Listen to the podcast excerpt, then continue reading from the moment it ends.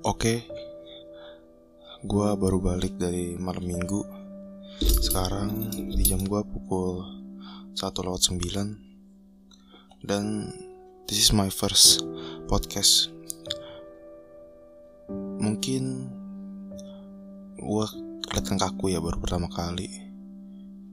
Tapi gua kali ini lagi ingin membahas tentang sesuatu yang sedang fenomenal. Mungkin banyak orang yang sudah membahasnya, tapi mereka hanya membahas dan tidak pernah merasakan, yaitu bullying. Kenapa? Kenapa aku bahas? Ada yang bertanya, apakah lu pernah dibully? Jadi lu tahu rasa jadi orang bullying? Oke, okay, gue bakal cerita about that. Jadi ini pertama kali gue masuk SMP di SMP gue masuk kelas 1 masih aman. Kelas 2 saat-saat itu dimulai. Gue masuk kelas sebagai orang yang culun pas itu ya tau lah zaman SMP kelahiran 97 itu masih sering bully-bulian nah di saat itu apa karena gue yang kurang beruntung gue jadi korban bullying. Kenapa?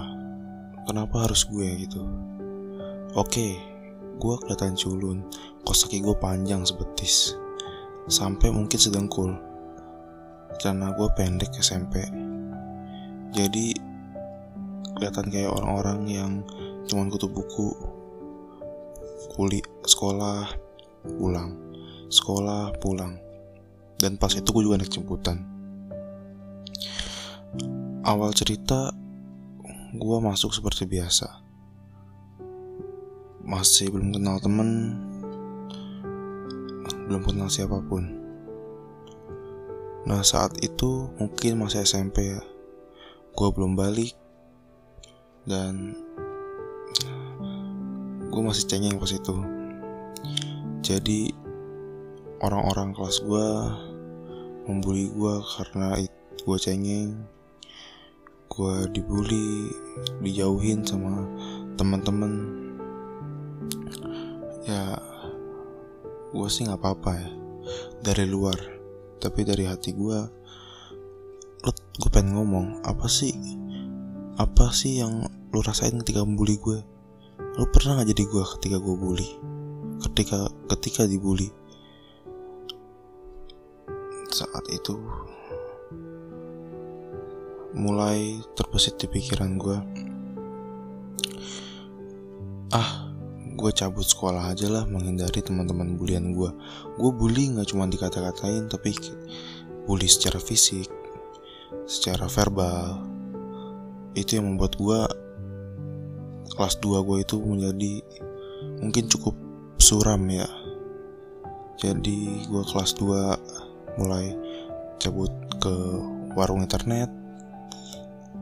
Dan saat itu gue nemuin teman virtual gue yang gak ngebully gue yang main bareng gue yang support gue misalnya lagi sedih atau lagi apa.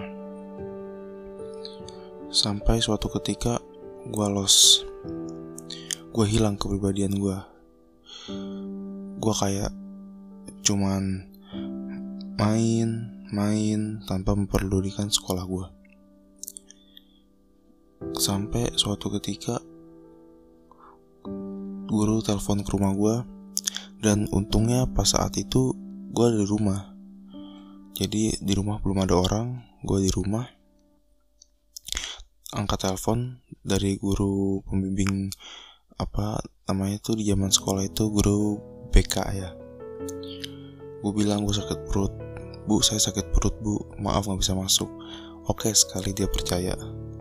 Nah kedua kali mungkin mungkin bukan kedua kali ya itu saya sering, sering mendapat teguran tapi pas saat itu gue lagi main warnet. Uh, paket pagi pas itu. Nah sep gue ketahuan sama bokap gue gue disentil dijewer. Tapi dia nggak lama-lama marahnya. Dia ngerti kenapa gue begitu. Mungkin masa balik dari anak kecil menuju kedewasaan. Saat itu gue sadar gue mikir malam-malam. Di bawah tempat tidur gue kan tidurnya di bawah tempat tidur. Pas dulu di bawah tempat tidur nyokap bokap gue gue mikir apa gue harus lari dari tanggung jawab? Ketika gue dibully ya kali gue harus lari dari tanggung jawab itu lari dari, dari lari dari tanggung jawab sekolah. Akhirnya gue memutuskan masuk. Terus terus terus dan terus dibully. Sampai suatu ketika ada satu wanita yang datang ke hidup gue support lo jangan takut. Hidup lo nggak cuman sampai di sini saat itu gue seneng banget. Kayak gue semangat lagi sekolah nggak meninggalkan teman-teman yang virtual game gue yang mungkin kita nggak bakal pernah ketemu. Dan kita nggak tahu sifat asli atau perilaku dia yang sebenarnya. Gue mulai sadar kenapa sih gue dibully? Gue tanya ke temen gue kenapa gue dibully ya mereka cuma diem aja. Sampai akhirnya gue berani ngungkapin apa yang gue rasain saat gue dibully. Ya gue ngungkapin ke mereka gimana rasa sakitnya gue mak sampai gue nggak masuk sekolah. Kabur warnet.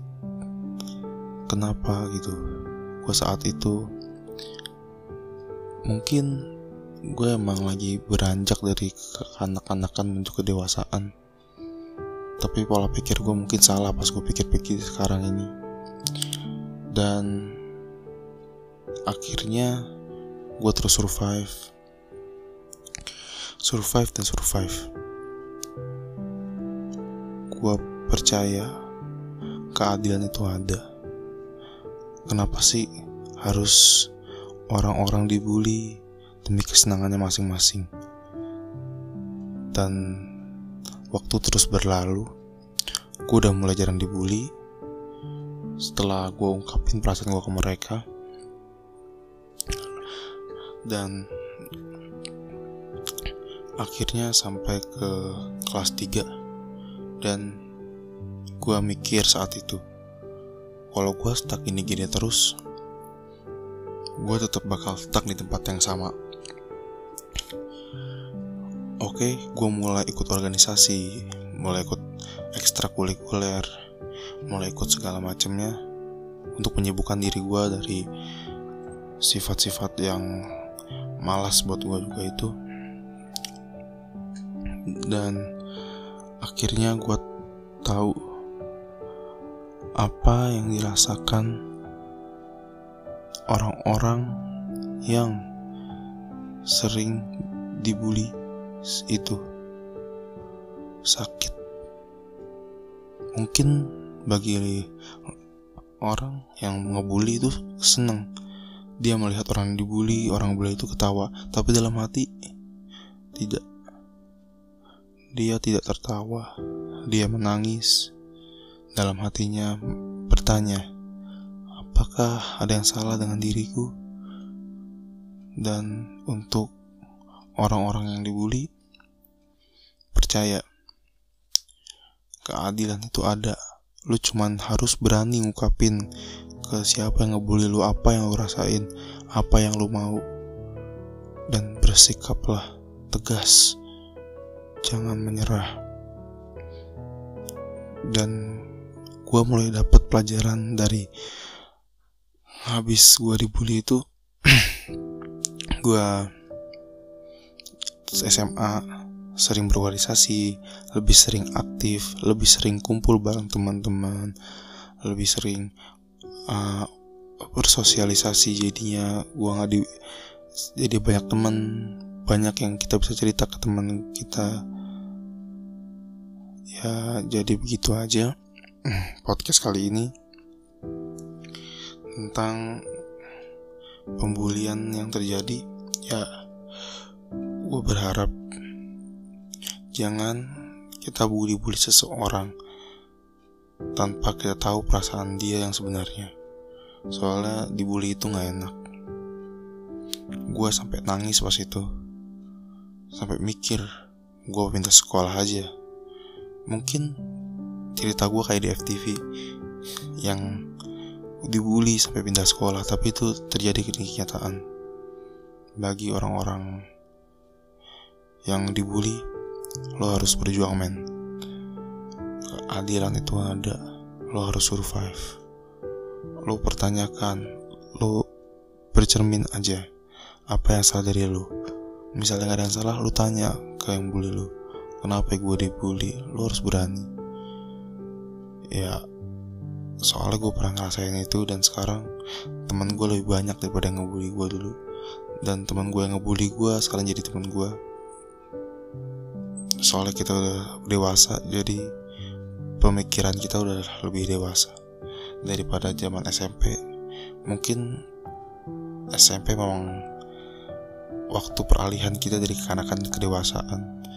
Jadi bersikap seperti itu kadang menurut kita wajar tapi setelah kita dewasa mungkin kita berpikir mungkin kita salah pas saat itu dan mulai meminta maaf kepada teman yang ngebully kita.